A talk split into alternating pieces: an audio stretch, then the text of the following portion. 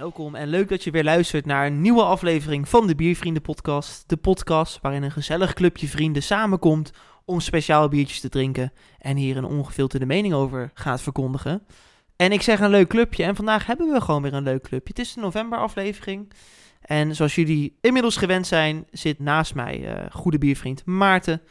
Maar we zijn niet eh, met z'n tweeën, want tegenover ons zit, na een lange tijd van afwezigheid, Michael! Welkom jongen. Dankjewel. Leuk dat je er weer bij bent, Michael. Fijn ook, want we nemen bij jou op thuis. Dat is ook een eh, unicum in de Biervrienden podcast. Ja, voor het eerst eh, echt eh, terug naar de roots, hè? terug naar Culemborg. Ja, onze eerste stapjes in de speciaalbierwereld liggen hier. Zeker. ja, niet in deze plek, maar wel in Culemborg. Wel in Culemborg. en ondanks dat het hondenweer is geweest, ben ik blij dat we de storm hebben mogen trotseren. En dat we hier echt met een herfstig eh, gevoel mogen zitten. En de stemming zit er al goed in, heren. Ja, ik heb eigenlijk ook al wel een beetje zucht. Ik weet niet hoe het met jullie zit. Ja, dit is een beetje een herhaling van de vorige aflevering. Maar misschien even goed, Michael. Aangezien jij nu voor de, wat is het, vierde, vijfde keer aanschuift. Derde volgens mij. Of vierde al. Ik denk vierde dan. Laten we het op vierde houden. Even te vertellen, wat gaan wij doen? Nou, we gaan eh, drie verschillende dingen doen. Tom heeft onder andere een eh, thema bedacht. Eh, daar heeft hij iets over gedeeld met het foto van het paard van Troje. Dus ik ben heel benieuwd wat dat dan precies gaat zijn. Verder heeft Maarten nog een biertje mee. En ik heb zelf uiteraard ook een biertje mee. Dus we gaan gewoon drie verschillende thema's behandelen. Ja, het wordt weer heerlijk. We beginnen gewoon natuurlijk met een... ja, jij bent eigenlijk het luisteraarsbiertje zoals je gewend bent. Want jij bent gewoon een goede biervriend. Vriend van de show. En jij hebt gewoon wat lekkers meegenomen. Hoop ik. Dat hopen we. Maar dat gaan we zo eh, rustig zien. Vervolgens is Proeven, proeven. proeven Ja. en zien en ruiken natuurlijk. Vervolgens gaat eh, Maarten dit keer het biervriendenbiertje verzorgen. Ik heb Eh, al één kleine tip gegeven. Het wordt veel, het wordt zwaar, het wordt 12 afzien. procent, hè? Ja, Een kleine 12%. die is eh spreekwoordelijk gezegd niet voor de poes. En dan gaan we door naar het thema. En dat is deze keer eh, op mijn naam. Ja, en ik wacht hier al lang op. Meer ga ik er nog niet over vertellen. Ja, maar echt al heel lang op. Want elke keer als er een vriend komt, dan, dan moet jij, want jij wil zo graag dat dit. En je hebt het zo erg opgepijpt dat het wel leuk moet worden. Ik denk dat je hype bedoelt. Maar- Nee, nee pijpt. Maar ik ga het nog erger maken, Maarten. Ik wacht hier al sinds seizoen 2 op. Dat is het enige wat ik zeg. Ik vraag me dan af, ik kan me nog die aflevering herinneren dat Maarten en ik allebei verrassend goed scoorden in de pilstest. Ja, het eerste waar ik aan denk als jij een soort van thema hebt waarin wij allebei iets moeten gaan doen en jij het leidt, is dat dit een soort van herhaling van zetten wordt of wij dit nog steeds goed kunnen. Dat eh, zou er wat eh, te maken mee kunnen hebben. Oh nee, klopt. maar dat was seizoen 3, dus het ligt nog dieper. Oké, maar hij zei zo snel zou er. Dat klonk bijna als sour. Dit wordt heel gevaarlijk. Ik, eh, ik, zeg, eh, ik zeg niks. Hey, dus, eh, va- van niks naar Michael's biertje. Laten we alsjeblieft bier gaan proeven. Michael, wil jij eerst wat vertellen over het biertje wat jij hebt eh, uitgezocht voor vandaag? Ja, nou, eh, ik ga eerst even gewoon vertellen waar die vandaan komt en dan ga ik gewoon een beetje vertellen wat er, ben, waarom ik benieuwd ben wat dit is. Geen van de jongens had deze nog wordt ingecheckt. Ik ga waarschijnlijk met dit biertje vooral Maarten heel gelukkig maken en ik kan niet al waarschijnlijk wel raden welke richting het opgaat. En dat vind ik even grappig om te vertellen. Ik denk dat dat wel vaker besproken is in deze podcast. Dat ik tot niet heel lang geleden ervan overtuigd was dat ik alle IPA's heel smerig vond. Ik heb op een gegeven moment geleerd dat bepaalde IPA's waar een smaakje in zit, het bepaalde fruitsmaak, wel gewoon lekker kunnen zijn. En dat niet alle IPA's zo smerig waren als het eerste IPA'tje dat ik ooit op heb. Wat ik hier heb is een IPA met een smaakje in de hoop dat hij bewijst dat ik die dan wel lekker vind.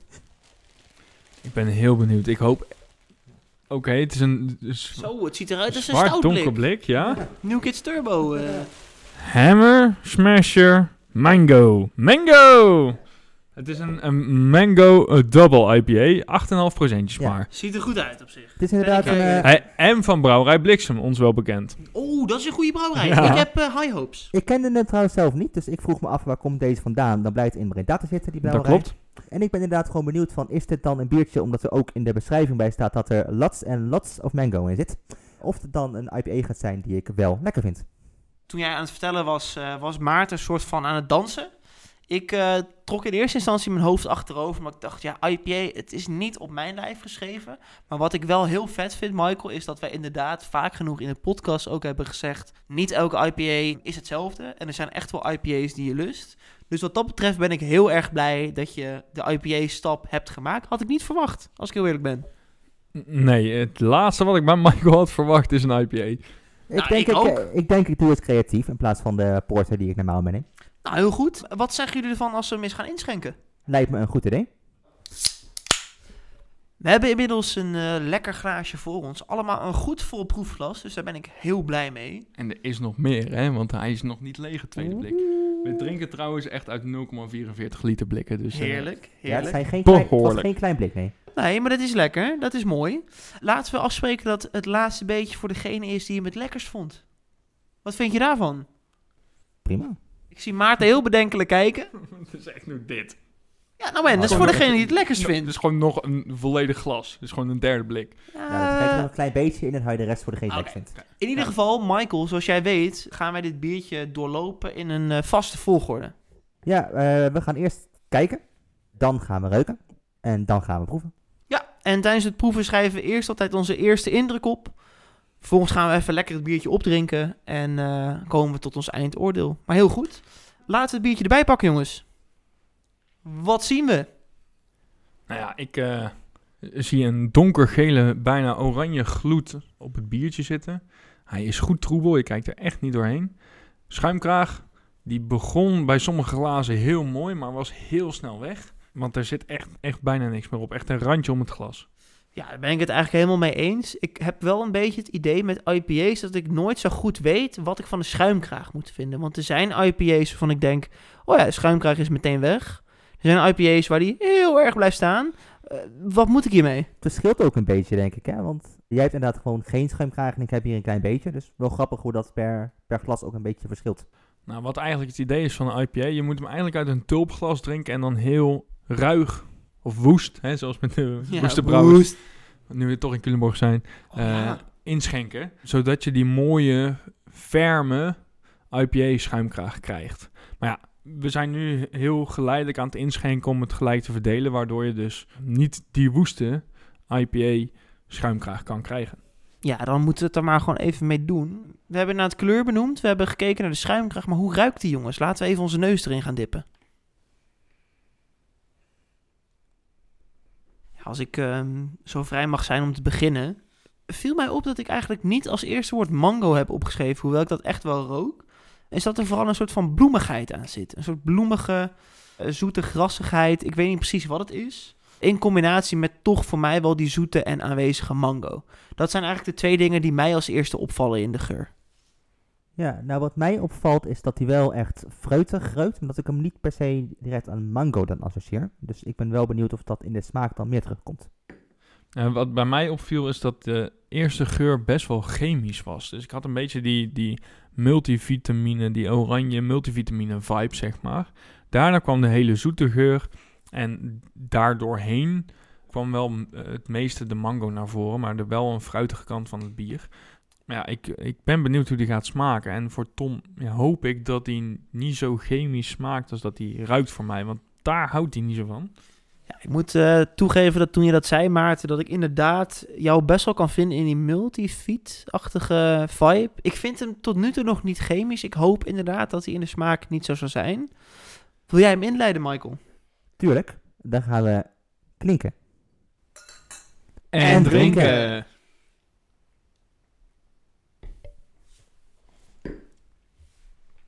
Ja, ik vind het een beetje tegenvallen.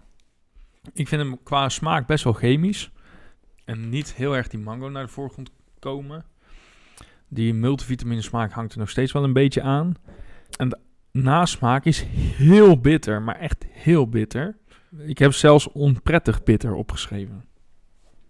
Ja, herken ik eh inderdaad deels in. Ik vond hem in eerste instantie dat ik dacht, nou hij is wel bitter, maar niet overheersend. Omdat toen in het begin die fruitsmaak naar voren zien komen. Wel inderdaad met Maarten eens dat die bitterheid behoorlijk gaat overheersen naarmate hij er meer van drinkt.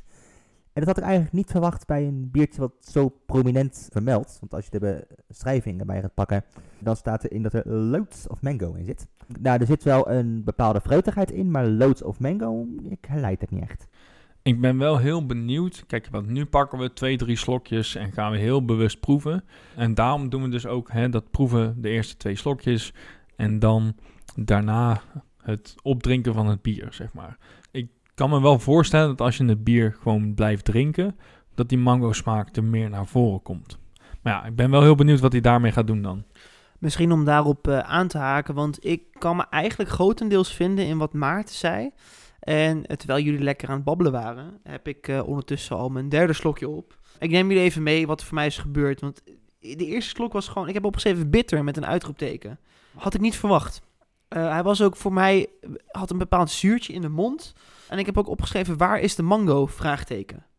En dat alles vertaalt zich voor mij tot een soort van chemische en inderdaad bittere nasmaak die jij ook uh, vertelde, Maarten. Nu heb ik het uh, derde slokje inmiddels op en heb ik het idee, en dat heb ik wel vaker met bieren, dat je een bepaalde gewenning moet opbouwen. En ik hoop dat dat gaat gebeuren, want inderdaad, wat jij terecht zegt ook, Maarten, we hebben nu pas twee slokjes op, dus we weten nog niet hoe die gaat zijn, maar voor nu, ik heb jou net het laatste slokje zien inschenken, Maarten. Ik heb gezegd, dat hoef ik niet. Ik ben er niet zo over te spreken. Maar only time will tell of die uh, prettiger gaat worden voor ons. Want ik denk als ik even voor ons allemaal mag spreken, dat we dit niet per se hadden verwacht. Nee, maar laten we er nou, hopelijk nog van kunnen genieten. Laat ik het zo zeggen dan. En dan uh, straks erop terugkomen. Lijkt me een goed idee. Voor brouwerij Bliksem valt me dit wel tegen, moet ik zeggen. Tot nu toe. Ja, ik kende eigenlijk echt de hele brouwerij niet. Uh, ja, voor mij was het echt wat ik net ook bij de intro een beetje aangaf. Het experiment dat ik bepaalde IPA's wel lekker vond. En daar gewoon een keer voor de leukheid van uit wilde gaan in een proeverij. Maar ik hoop dat hij inderdaad nog iets lekkerder wordt. Want ik sluit me wel aan bij wat de andere twee heren ook zeggen. Dat ik hem niet geweldig vind. Dus er.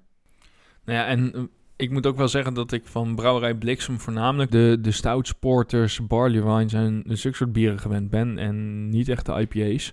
Dus ik ben benieuwd of ze nog andere lekkere IPA's hebben. Want ja, dit is mij niet heel bekend van uh, Brouwerij Bliksem. Nee, ik moet heel erg zeggen inderdaad dat ik ook hem heel snel aan het drinken ben. Maar dat dat puur is zodat ik denk, dan is hij maar weg. Ik vind hem echt niet super vies. Het is absoluut geen materiaal. Maar ik heb echt zoiets van, ik kan er maar beter snel vanaf zijn. Dat is hoe ik er nu in sta. Het valt mij op dat jij heel weinig slokjes op hebt, Michael. Maar hij pent wel heel veel. Je schrijft wel veel. Ik was gewoon rustig aan het denken wat mijn mening hierover was. Maar geen zorgen, het bier komt echt wel op. Ik zie een groot verschil in de snelheid waarin we dit biertje drinken. Ik zie dat uh, Maarten zojuist zijn laatste slok op heeft. Die lijkt er echt aardig klaar mee te zijn. Dan hebben we Michael aan de andere kant, die uh, ja, toch nog best wel wat heeft, maar goed nadenkt over wat hij uh, vindt en proeft. En dan heb je mezelf, en ik zit er een beetje tussenin. Aangezien Maarten zijn biertje al op heeft, wil ik voorstellen, Maarten, dat jij gewoon je eindoordeel over dit biertje gaat vellen. Wat vond je, Maarten? Nou, ga ik aan Michael uh, de vraag stellen. Wil je eerst mijn mening of wil je eerst cijfer? Begin maar met de mening, maar als je zo begint, moet ik niet een al te hoog cijfer. Nee, zeker niet. Nee, ik uh, vind de mango er absoluut niet in terugkomen. Ik merk dat ik het bier aan het drinken ben om de nasmaak weg te drinken. Die is heel bitter, heel chemisch, heel naar. Ik vind het echt niet fijn. En dan vind ik ook nog de initiële smaak best wel blikkerig, chemisch. Multivitamine komt er heel erg in terug. Gewoon niet zo'n hele fijne IPA. Ja, niet zo heel fijn. Mijn eindoordeel is best wel, uh, best wel laag voor mijn doen. Uh, ik zie Tom al knikken naar mij. Want die heeft volgens mij al gezien wat ik neer heb gepend. Volgens mij staat daar 4,3. Dat klopt. Het is echt niet mijn IPA. Ik ben hem dus echt aan het drinken om de nasmaak te voorkomen.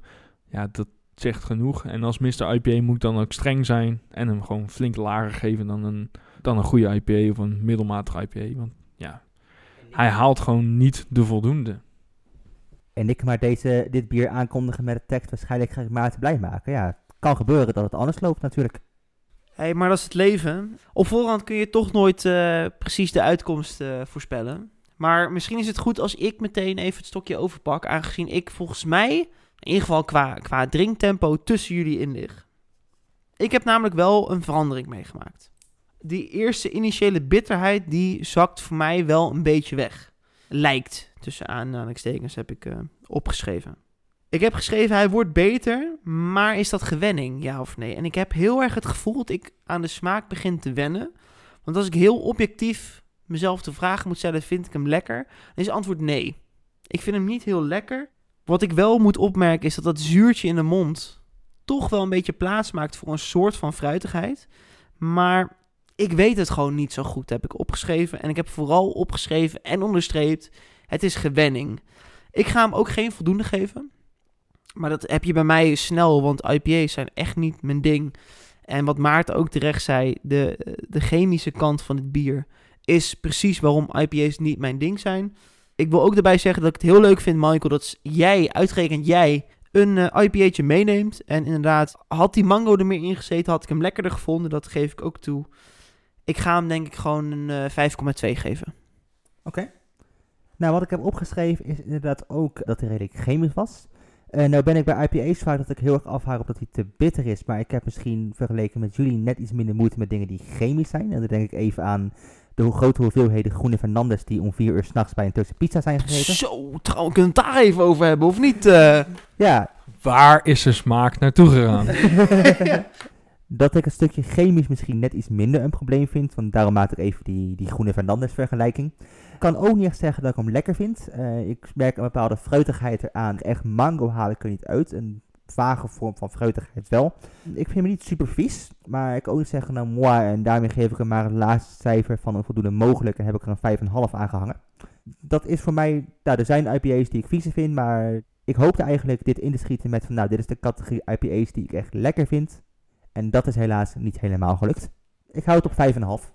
Nou, ik denk dat wij alle drie toch een beetje teleurgesteld zijn van deze IPA. Wat op zich niks uitmaakt, want hè, dat is ook weer een beleving. Maar wat ik me wel afvroeg, Michael. Deze ervaring van deze IPA. Schrikt dat jou af? Of denk jij, voor een volgende keer durf ik echt alweer een IPA'tje te pakken? Ja, ik denk het toch wel, want ik heb gewoon geleerd, en dat is grotendeels dankzij Maarten, en dat er IPA's bestaan die ik gewoon ook lekker vind. Ik vind het jammer dat het dan gebeurt dat ik een keertje denk van nou, dat vind ik geinig, daar ga ik wat mee doen. En dat die dan tegenvalt. Maar er zal echt ongetwijfeld wel een keer weer een IPA komen die ik wel weer gewoon lust. Dus nee, maar, maar te maken niet al te veel zorgen. Nou ja, ik vind het echt super tof dat juist Michael een IPA meeneemt. Dat vind ik echt super bijzonder en super tof dat hij dat doet. Absoluut. Uh, ja, jammer dat het zo uitvalt. Maar ja, dat Michael het hoogste cijfer geeft voor een IPA, dat zegt ook wel genoeg. Hè? ja. En de hoogste cijfer is dan een 5,5, hè? hey, jij hebt gewonnen, Michael. Nou, laten we gewoon uh, deze ervaring even wegspoelen. Maarten en ik hebben hem op. Jij neemt nu je laatste slokje, Michael. En dan gaan we gewoon lekker door naar het volgende onderdeel. Maar eerst een glas water. Absoluut. Okay, jongens. Ik uh, was gisteren dus bij Wijnhuis Eindhoven. Ik denk ik moet een biertje halen voor de podcast. En ik heb dit niet heel vaak. Maar ik liep let, bijna letterlijk tegen een biertje aan. Ik zag hem staan. En er waren twee dingen die er mij opvielen. En toen dacht ik, dit is een biertje voor Michael. Michael, mag jij raden? Als jij aan uh, een biertje voor jou denkt. Het uh, zal waarschijnlijk een, uh, iets uh, donker zijn in, in de categorie stout quadruppel of iets dergelijks. Mm, zoiets. Wat drinkt Michael als eerste op een terras? Standaard. En een lekkere weizen. Een halve liter weizen van de tap meestal. Ja. Ik heb een biertje en dat is gebrouwen door twee brouwerijen. Wat is jouw favoriete brouwerij, Michael? De laatste tijd hebben we volgens mij gezegd dat uh, Poila het licht is. Heb jij een Poila? Ja, ja. Lekker. En de samenwerking is dus met Wijnstefan. Dat is een wijnmerk. Ik, ik, ben, ik, ben, Fucking vet. ik ben nu al helemaal verliefd. Maar die autocurre bier is, ik ben verliefd. Ik zag dat dus staan, die twee merken op het etiket. En ik dacht, ja, dit is het bier voor Michael. Dat kan niet anders. Ik ben wel heel benieuwd hoe deze twee bieren gaan blenden met elkaar.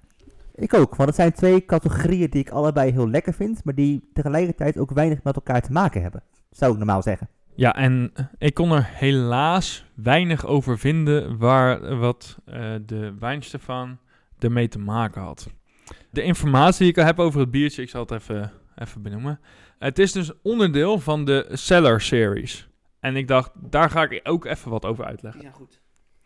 Bij eh Pogela, of hoe noem jij het? Ja, Poila, ik, ik, Poila. ik kan ook geen est. houden ze van brutale, donkere, op vat gerijpte bieren.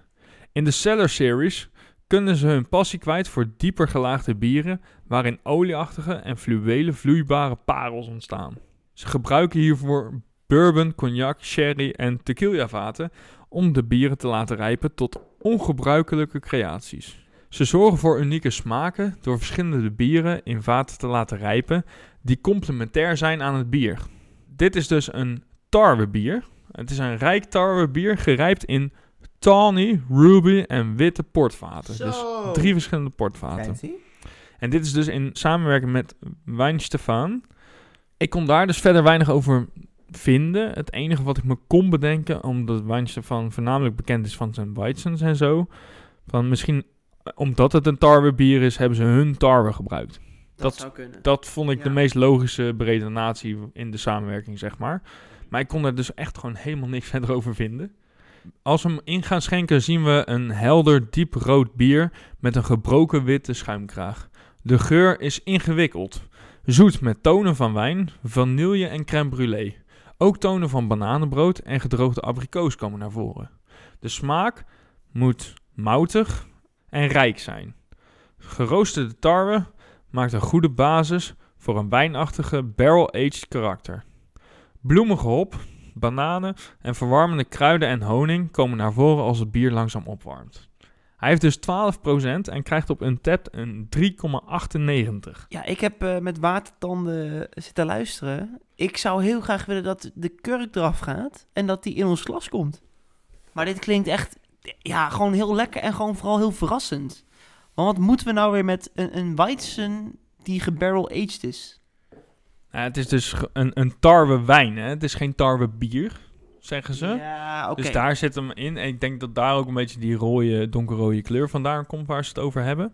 Ja, en daar dus ook die 12% van. Want ja, je kan niet zo'n hoog percentage Nee. bier brouwen. En dan eh, ja, met barrel age krijg je er een beetje wat eh, percentage aan toegevoegd. Maar, plus, eh, geen, plus- plus negen, zeg nee, precies. Ik ben ook heel benieuwd, want soms heb je twee dingen eh, die je kan combineren en het werkt fantastisch. En soms heb je twee dingen die je kan combineren en nou, noem even iets heel stoms als een pizza en een frikandel. Op zichzelf allebei best lekker, maar moet je niet samen gaan voegen. Ik, had, ik, had, Dus ik was gegaan benieuwd. voor pizza en eh, Spekjes. en spekjes, Eh, marshmallows.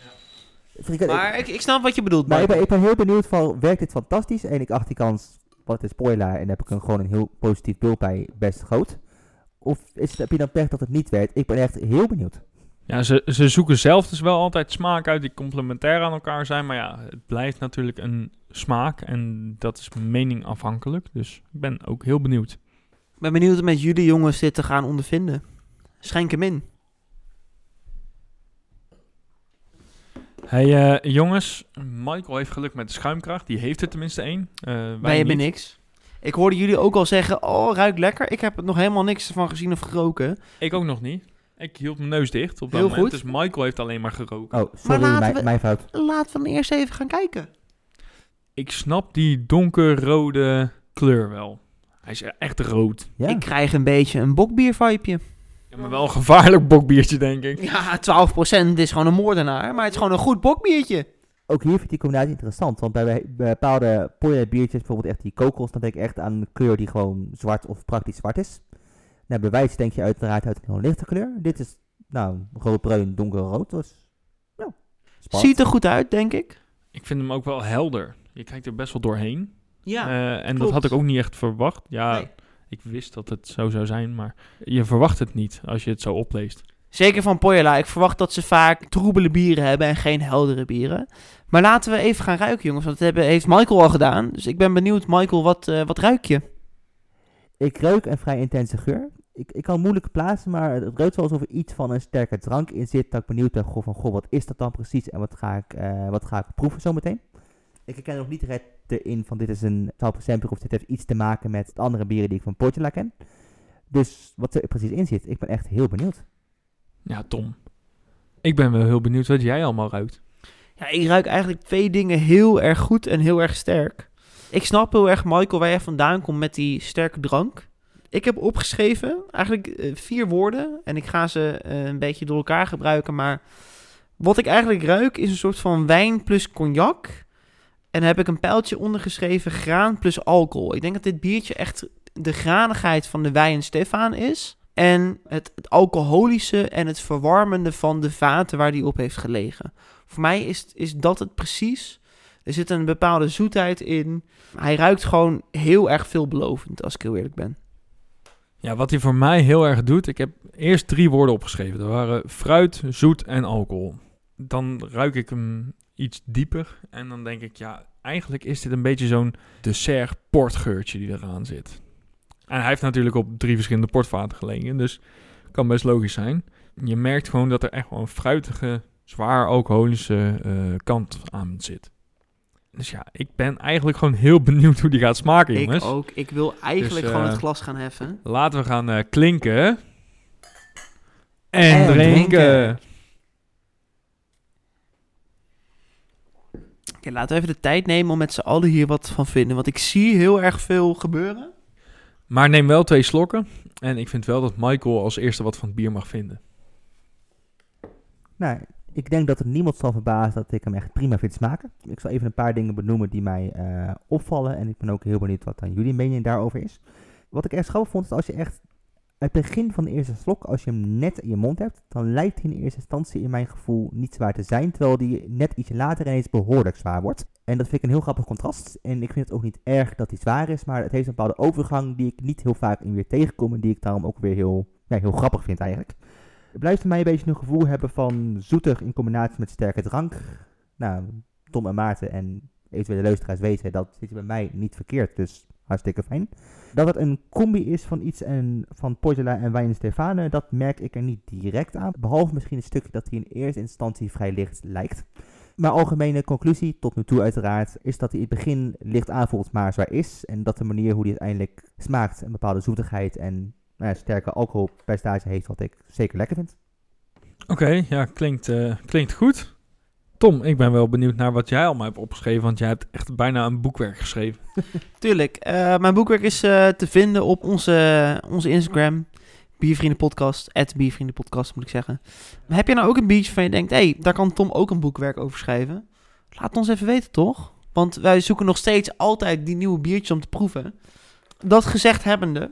Ik heb een paar dingen opgeschreven. En ik moet zeggen, Michael, dat toen ik jou hoorde praten... dat voor mij heel veel dingetjes op een bepaalde plek vielen. Waarvan ik aanvankelijk nog niet echt een, eh, ja, een mening had of dat ik het niet kon plaatsen. Want het eerste wat ik heb opgeschreven was apart. Ik heb ook geschreven, ik kan mijn vinger er niet op leggen. Ik heb eigenlijk nog steeds een beetje dezelfde vibe als die ik bij de geur had. Tarwe plus een soort van lagering op vaten, waardoor die cognac vibe bij mij heel erg naar boven komt. Hij is heel zoet en heel erg alcoholverwarmend, waar ik in het huidige weer heel erg blij van word. Je had het op een gegeven moment, Michael, over een bepaald contrast tussen de eerste slok en de afdronk. Dat bij de eerste slok je denkt, oh, misschien niet per se heel veel smaak, misschien niet per se heel veel alcohol. Maar dat dat vrij snel wordt omgezet naar een soort verloop, wat heel snel is. Toen heb ik opgeschreven, wat vind ik daarvan? En ik heb één woord opgeschreven, vernieuwend. Omdat ik heel veel vatgrijpbieren wel een vaak, ja, toch een soort van balans vind hebben in smaak. Dus dat de smaak al wat eerder in de mond komt, gaat dit ineens van 0 heel snel naar 100. Ik vind het een heel lekker bier. Ik vind dat iets vernieuwends hebben. Ik ben er nog niet helemaal over uit wat ik er uiteindelijk van ga vinden. Om het even samen te vatten, past hij in een classic vatgerijpt bier, maar is hij toch heel anders. En daar zit ik een beetje mee te spelen. Oké, ja, het is wel echt een, eh, een bijzonder biertje waarin we meer moeten gaan ontdekken. Daar heb ik ook opgeschreven. Ik vind de gedroogde fruitkant, maar ook een beetje zuurige en zoete kant eh, best wel naar voren komen. Hij heeft een plakkerig mondgevoel, maar ik vind hem in de nasmaak en de nadronk best wel opdrogend. Dus dat matcht niet heel erg. Ik heb hele plakkerige lippen, maar wel een droge mond. Je merkt inderdaad eh, de alcohol echt wel, maar wel op een subtiele, mooie manier.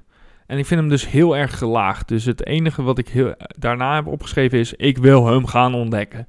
Dus laten we gewoon lekker het biertje op gaan drinken. En dan komen we straks bij jullie terug. Ik ben heel benieuwd wat we hier allemaal uit gaan halen.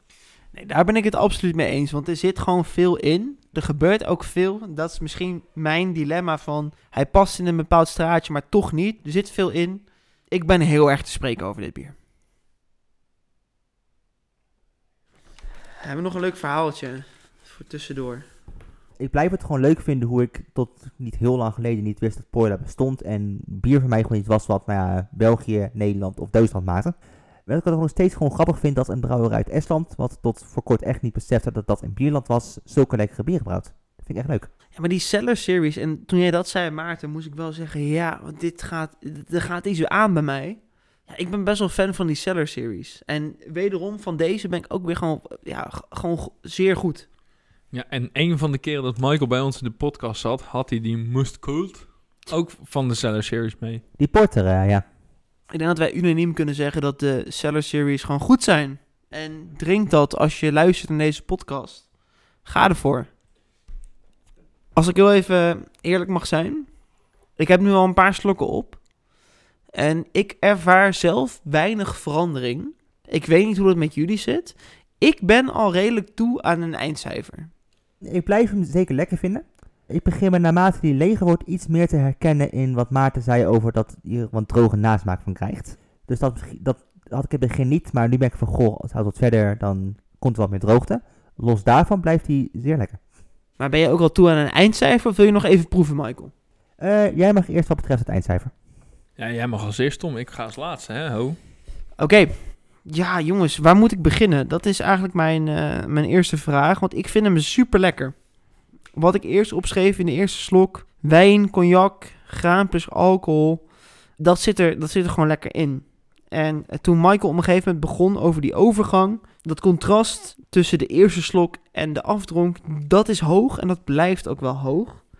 Ik vind het verloop van het bier heel snel. Ik vind dat iets heel positiefs. Ik wist niet zo goed wat ik ervan vond. Maar het maakt wel dat dit biertje echt een uniek biertje is. Ik heb nog niet het opdrogende mogen ervaren, maar ik vind dat niet een negatief iets aan dit bier.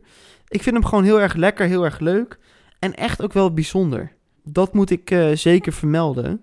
Ik heb ervan genoten, ik geniet er nog steeds van, want ik heb nog steeds een laagje in mijn glas. Ik heb gewoon echt een prima en een nette 8.1 opgeschreven. Oké. Ik, eh, ik ga me qua cijfer helemaal bij Tom aansluiten. Ik heb, nou, klein verschilletje, ik heb er 8 eh 3 van gemaakt, maar dat komt er behoorlijk in de buurt. Wat ik heb opgeschreven is dat ik hem heel verrassend vind, inderdaad, wat we al vaker bespraken. Hij heeft een heel leuk contrast tussen eh, wat licht begint en zwaarder eindigt. Dat is verrassend en helemaal ermee eens, dat is positief. Ja, hij blijft een wat zoetige smaak houden en een wat sterke alcoholpercentage. Dat zijn bieren die ik sowieso bijna altijd lekker vind, dus dat was ook zeer.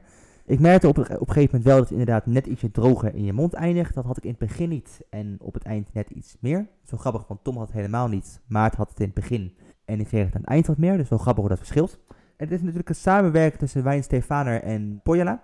Ja, ik ben wel benieuwd en heb er nog geen definitief antwoord op waar zit dat exact in. Zit dat hem dan, dan in het feit dat hij mild begint en zwaarder eindigt? Misschien is het dat. De eindelijke conclusie is dat ik hem verrassend en zeer lekker vind. En ik hou het gewoon op een keurige 8.3. Nou ja, we gaan langzaam stijgen in het, eh, in het cijfer. Eh, 12,5. dat is het alcoholpercentage, min 0,5.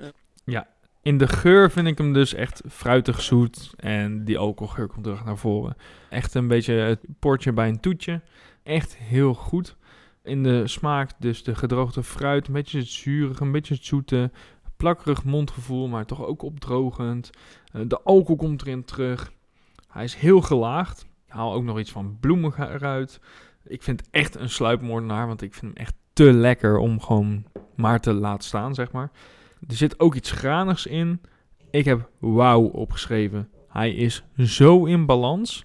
Ja. En hij, Eens. ik vind hem gevaarlijk in de zin hoe makkelijk die te drinken is, hoe lekker die is, hoe goed die smaken bij elkaar passen. Ja, ik heb dus een 8,8 opgeschreven. Ja, nou helemaal terecht. Want inderdaad, wat jij zegt, het is gewoon zo'n fucking lekker biertje. Hij is gewoon heerlijk. Ja, absoluut. Echt van genoten. Ja, ik zou hier echt wel veel meer van willen drinken, want ik vind het echt dat, heel dat, lekker. dat kan niet, want dan lig je onder de tafel. Want we hebben nog een thema. En dat wordt ook niet eh, te licht, kan ik jullie vertellen, jongens. Nee, ik baal misschien een beetje van dit bier voor het thema. Nee, Dat, jongens, dat komt helemaal goed. Laat maar jullie lekker meenemen. Maar drink eerst even lekker je glaasje leeg. Ga ik jullie zo vertellen wat de bedoeling is.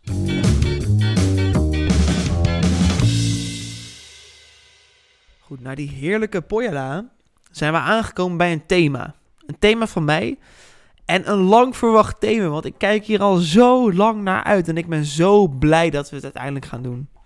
Het heeft lang geduurd, het is een thema uit het vorige seizoen en het komt perfect uit dat jij, Michael, hier bent om dit thema samen met Maarten te doen. Hoe is het idee ontstaan? Ik ga jullie meenemen. We gaan terug naar maart 2021. Toen heb ik met Maarten samen in seizoen 2, aflevering 7, hoger of lager gedaan. Waarbij ik Maarten twee biertjes liet proeven. En hij moest raden welk van die biertjes het duurdere biertje was en het goedkopere biertje. Nou, Maarten had uh, eh, 5 uit 5 goed. Maar er is mij altijd iets bijgebleven. Was dit niet te makkelijk? Dat heeft mij altijd uh, bezig gehouden. Toen, in seizoen 3, aflevering 8, ongeveer een jaar later, want het was mei 2022, was Michael op bezoek in Utrecht en hebben we de pilstest gedaan. En wat me daarvan bijgebleven is dat jullie best wel overeenstemming hadden in jullie antwoorden. Jullie wonnen allebei. En ik wilde revanche, want dit kon niet voor mij. Wat gaan wij vandaag doen?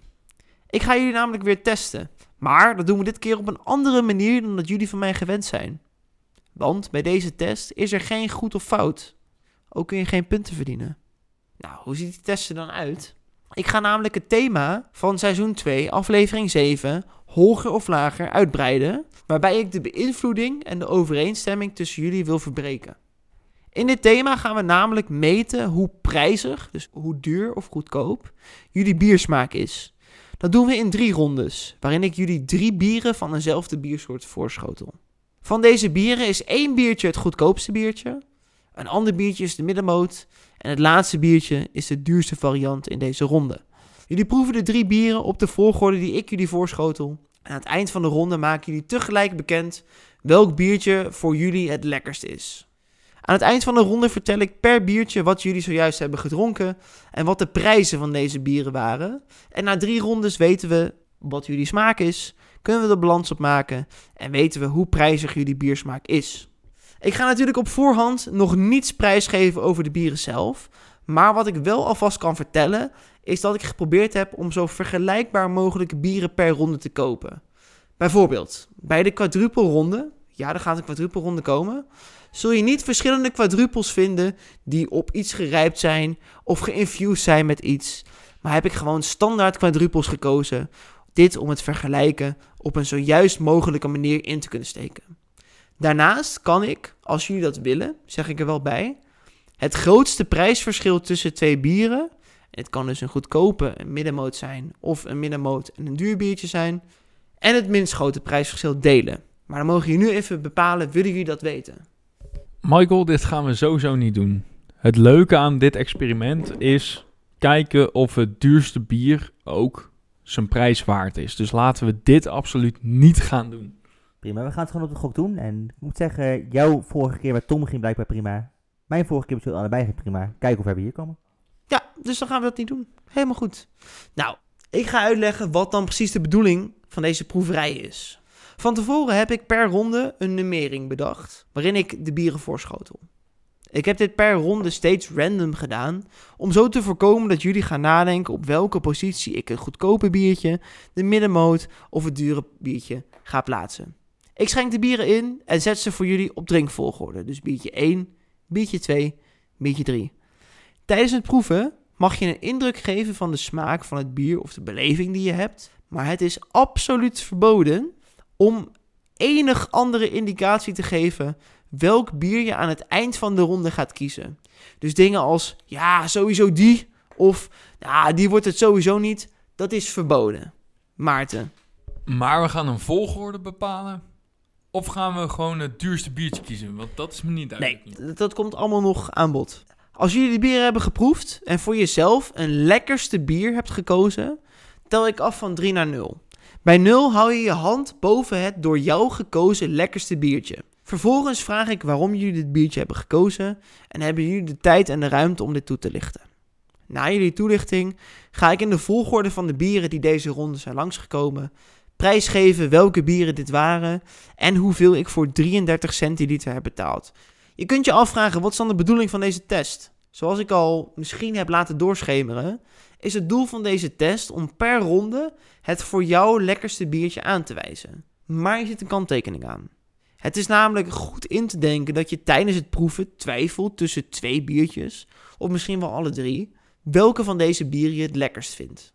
De vraag die je dan moet stellen is of je het prijsverschil tussen biertje 1 en 2, of 2 en 3, of allemaal, het waard vindt. Nou, waarom moet je je dat afvragen? Dat is ook de insteek van deze test. Als je qua smaak twee bieren hebt, of drie, die nauwelijks van elkaar verschillen, dan wil je uiteraard in het dagelijks leven voor de goedkoopste variant gaan.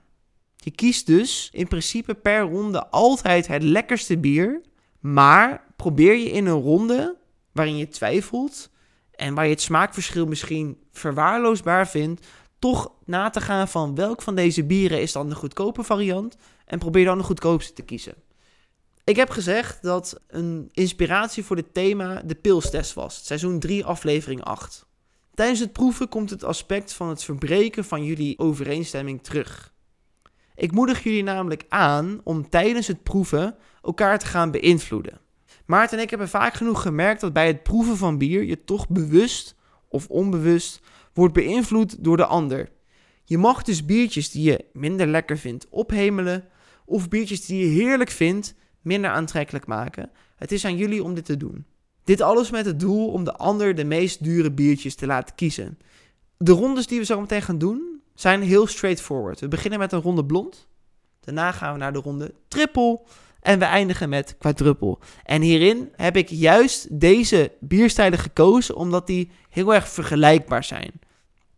Voordat we zo meteen gaan beginnen, hebben jullie nog vragen over deze opstelling en dit thema? Vragen nee. Ik ben wel echt heel benieuwd of Maarten en ik net zo overeenkomstig gaan als de vorige keer, of dat het compleet gaat afwijken. Ik zie dat er geen vragen zijn. Ik ga bij de blondronde, want daar gaan we mee beginnen, de eerste drie bieren pakken. Jullie mogen even niet kijken naar wat ik ga inschenken. En dan ga ik jullie zo meteen de bieren voorschotelen. Een laatste dingetje wat ik misschien kan zeggen, is dat sommige bieren zeker bekend zijn, maar ik denk het merendeel is voor jullie allebei onbekend. Heren, ik heb de eerste drie bieren in een volgorde voorgeschoteld. Ik wil jullie vragen om het eerste biertje te gaan pakken, proeven, bekijken en deel daarover wat je wilt delen. Met nogmaals de kanttekening, we gaan niks verraden over of je hem uiteindelijk gaat kiezen of niet. Ik zie een eh, best wel eh, licht troebel bier. Echt wel heel licht. Weinig schuimkraag. Ik ga ruiken en proeven.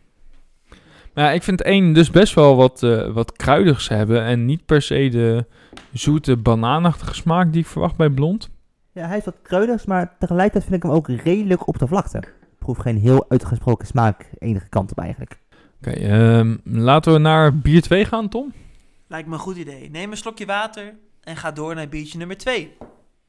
Ja, hij is qua kleur vind ik hem vind ik het opvallend dat hij donkerder is dan zo 1 als 3. Voor mijn gevoel is ook wel iets rijker, maar ik wil ze nog even allemaal met elkaar vergelijken voor ik daar een definitief oordeel over vel. Hij is veel... Kijk, die andere twee zijn troebel. En deze is wel echt helder. Nou, ik zie dat de laatste cijfers worden gegeven aan de tweede biertje, moet ik zeggen. Ehm, zijn jullie al klaar voor het biertje nummer 3? Nou, deze slok water zeker. Voor mij hetzelfde. Ik vind deze een beetje zuurig. Grappig, ik kan niet zeggen dat ik zuurig echt herken. Vraagje, mag je ondertussen ook de andere twee proeven te vergelijken is dat verboden? Tuurlijk, je mag in één ronde nog steeds gewoon alles proeven. Uiteindelijk gaat het erom wat jij het lekkerst vindt. Nog steeds met de kanttekening. Twijfel jij tussen twee bieren, probeer dan de goedkoopste te kiezen. Duidelijk. Er wordt weinig gedeeld, er wordt veel heen en weer geswitcht. Willen jullie nog iets delen over de bieren? Ik eh, hoef eigenlijk niks meer te delen. Oké, dan zijn jullie heerlijk argwanend geworden. Wat enerzijds mijn doel was van, eh, van deze proeverij. Ik wil jullie vragen om even je laatste slokken te nemen. Om even je keuze te maken. En als je die keuze hebt, mij dat te laten weten door je hand op te steken.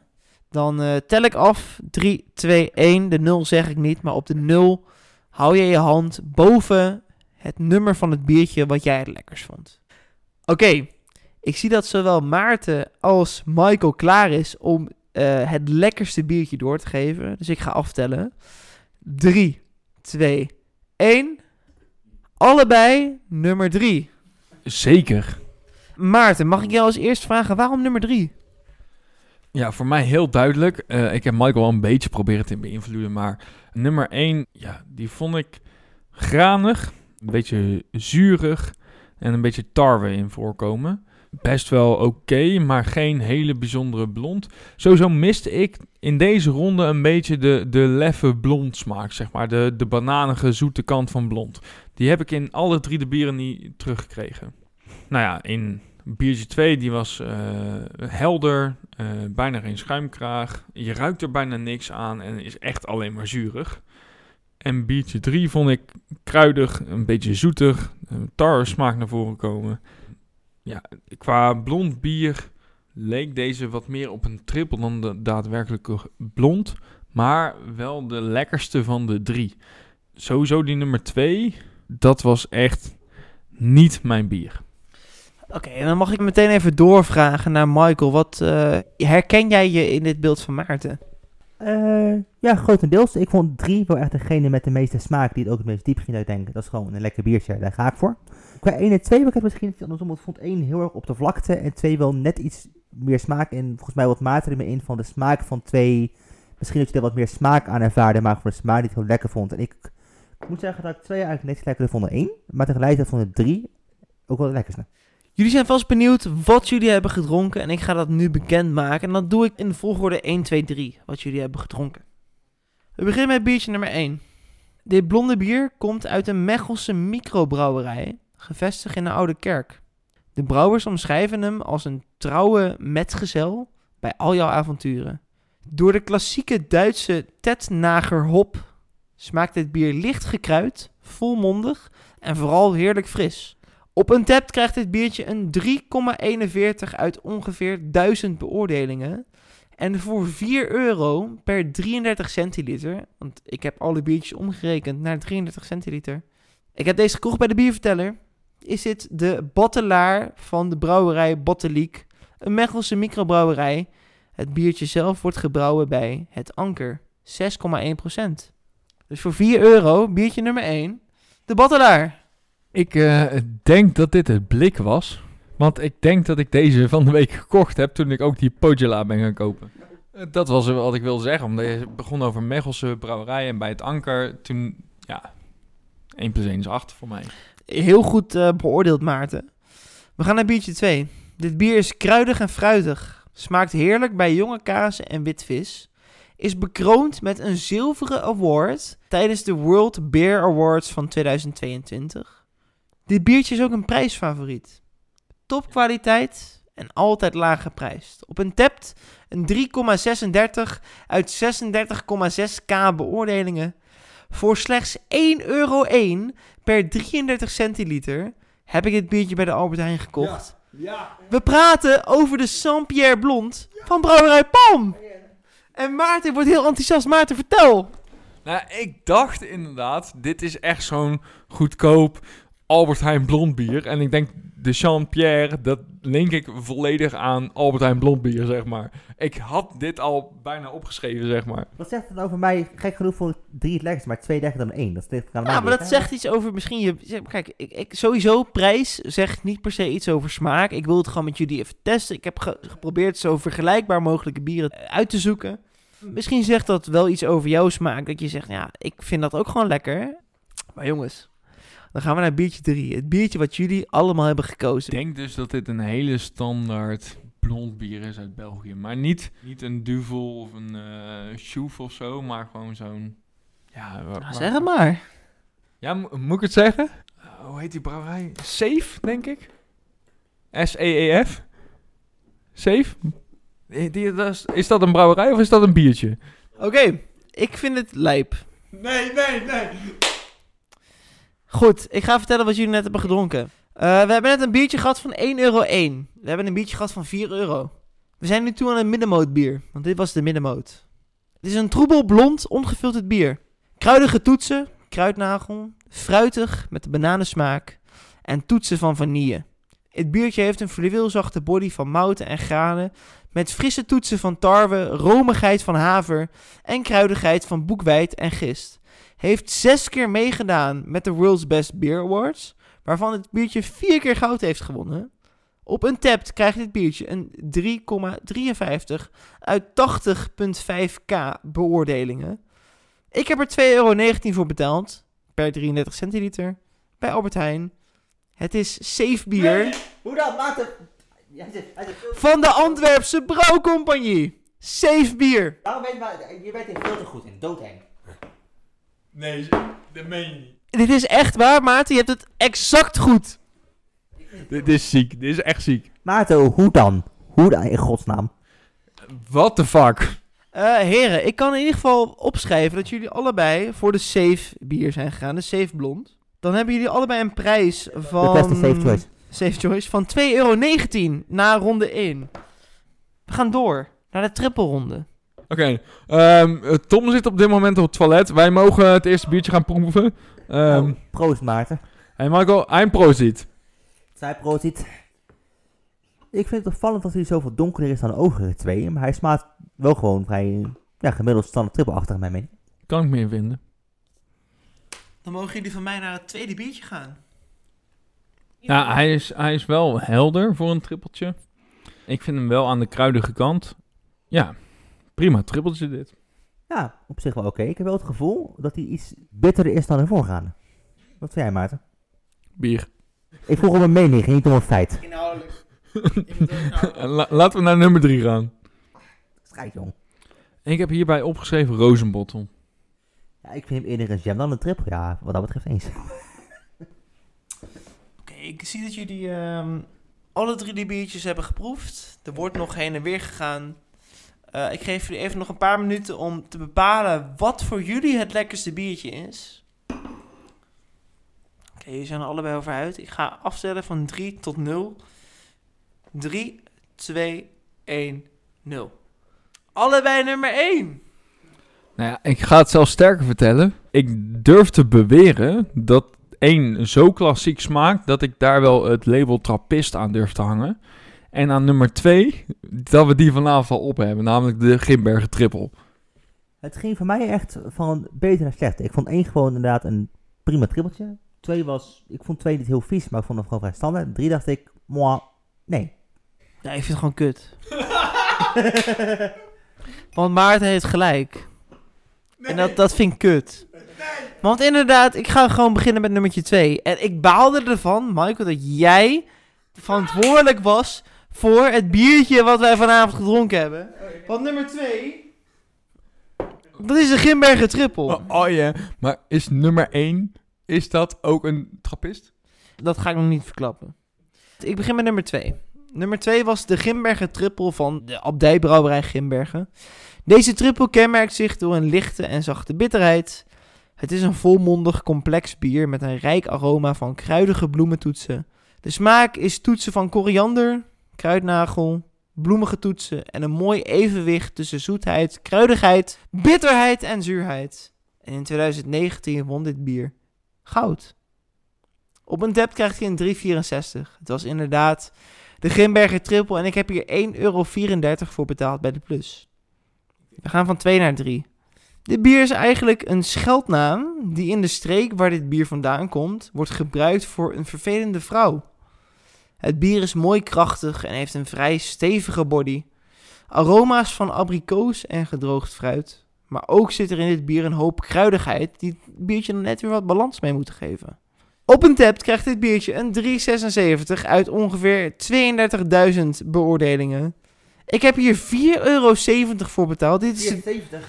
Dit- Dit was echt goor. Ik vond dit echt Het niet te zuipen. Volledig eens. Kusten van een drie. Oké, dit is het, kan ik meteen vertellen. Dit is het duurste biertje wat ik deze avond heb meegenomen. Het is de Dulle Teven van de Dolle Brouwers uit Essen-Dixmuiden aan de kust van België met 10%. Prijs niet alles, hè. Die, die, die IPA die we allemaal kut vonden, kostte 6 euro per blikje. Ja, maar dit was echt te zuur. Dit was echt bijna alsof je een soort van lambiekachtige triple aan het drinken was. Het was echt niet lekker. Het was echt niet lekker. Maar ik had wel gelijk het idee, ja, dit zal wel de duurste zijn. Ik ga gewoon weer smaken en nummer 1 was het lekkerst.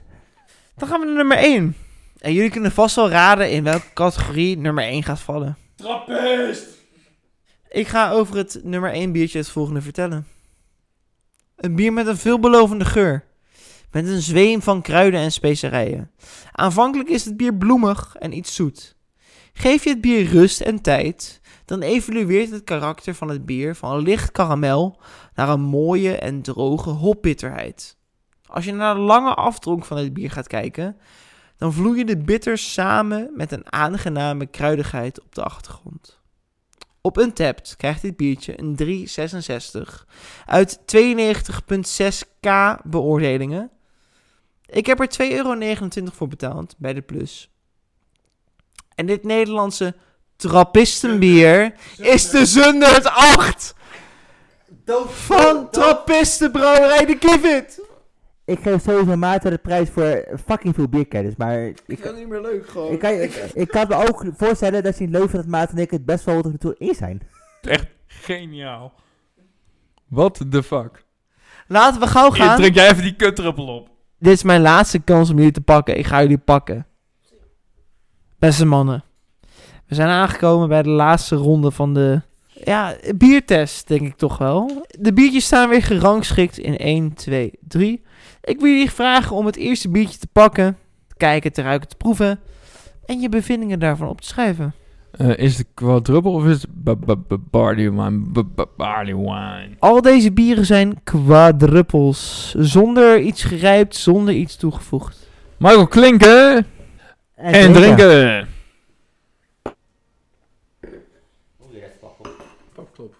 Oké, ik zie dat het eerste biertje is op. Laten we doorgaan naar biertje nummer 2. Wat vinden jullie daarvan? Ik vind hem wat zuurs hebben. En een beetje wat zoets. Een hele rare combinatie in de geur. Ik heb alleen maar geroken. Michael, jij proeft hem. Hij heeft wel wat zoets, maar ik heb bieren gekend die uitgesprokener zijn dan deze qua zoetigheid, zeg maar. Dan blijft nog maar één biertje over het laatste biertje van deze proeverij. Pak hem erbij, neem nog een slok water en drink hem op. De laatste quad van avond.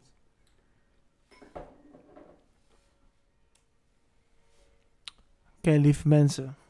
We naderen het einde van het thema. En ik zie dat jullie allemaal een beetje terug zijn aan het gaan van biertje 1, biertje 2, biertje 3. Wat was dan toch het lekkerste biertje? Ik hoop dat jullie een antwoord klaar hebben, want ik ga jullie vragen om je hand omhoog te steken.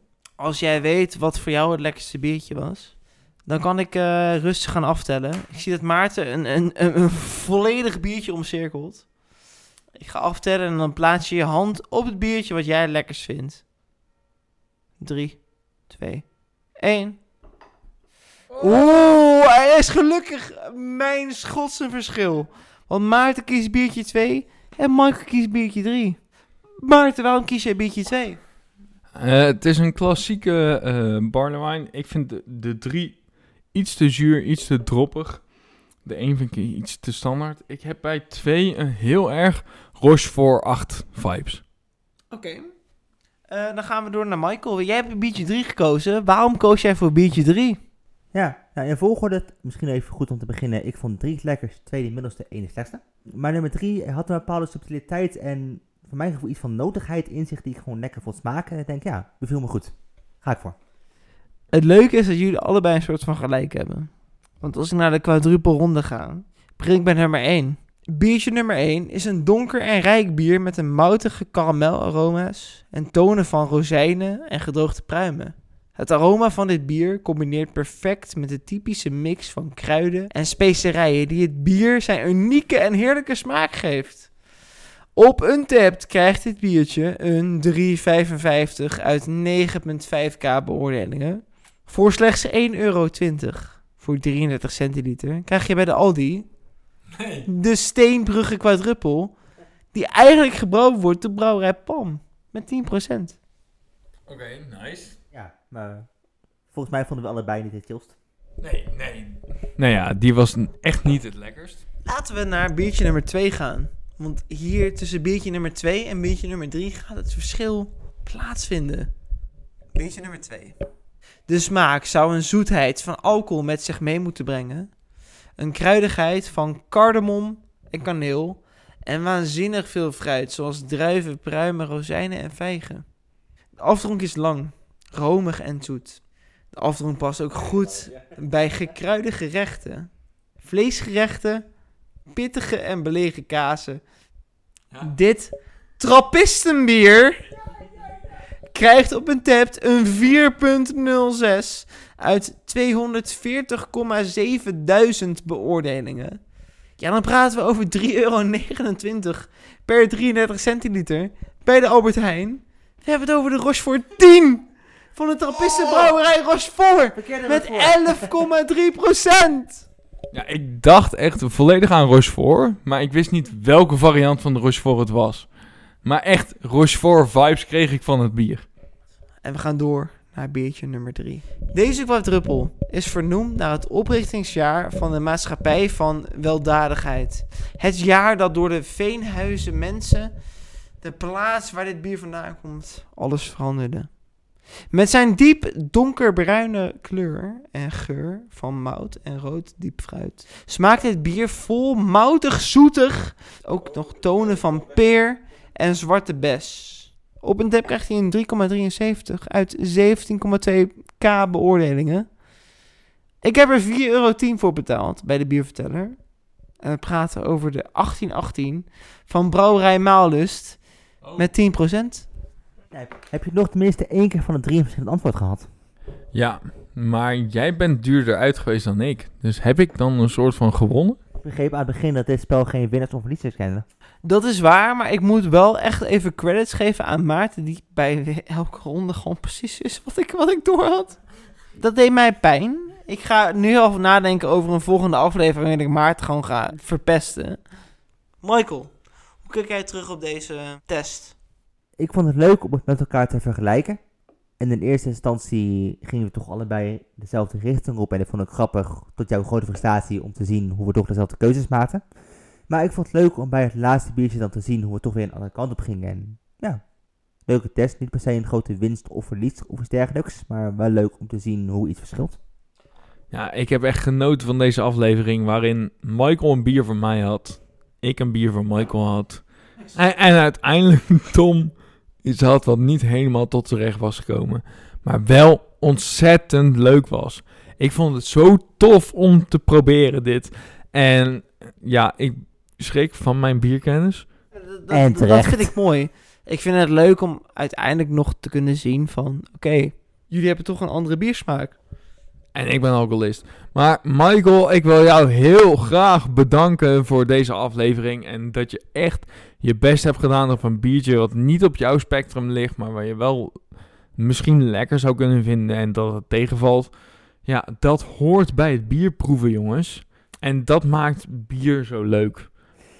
Nee, het liep net wat anders, hè, omdat we me uiteraard allemaal niet heel lekker vonden. Maar ik vind het wel echt leuk, en dat hoorde ik van jullie allebei heel erg. Dat jullie het zo erg waarderen dat ik gewoon een biertje pakte wat niet echt mijn smaak is. Maar dat ik er toch gewoon dacht van, goh, ik probeer het een keer, vind ik leuk. En uiteindelijk is dat proberen leuker dan het eigenlijk smaak, omdat het gewoon leuk is om een biertje te proberen met z'n allen. En daarom zijn we biervrienden, denk ik. En daarom zeggen we tegen jullie luisteraars... Bedankt voor het luisteren. Bedankt voor het meeproeven. En we gaan nog één keer deze avond de glazen heffen. En een laatste keer zeggen wij klinken... En drinken.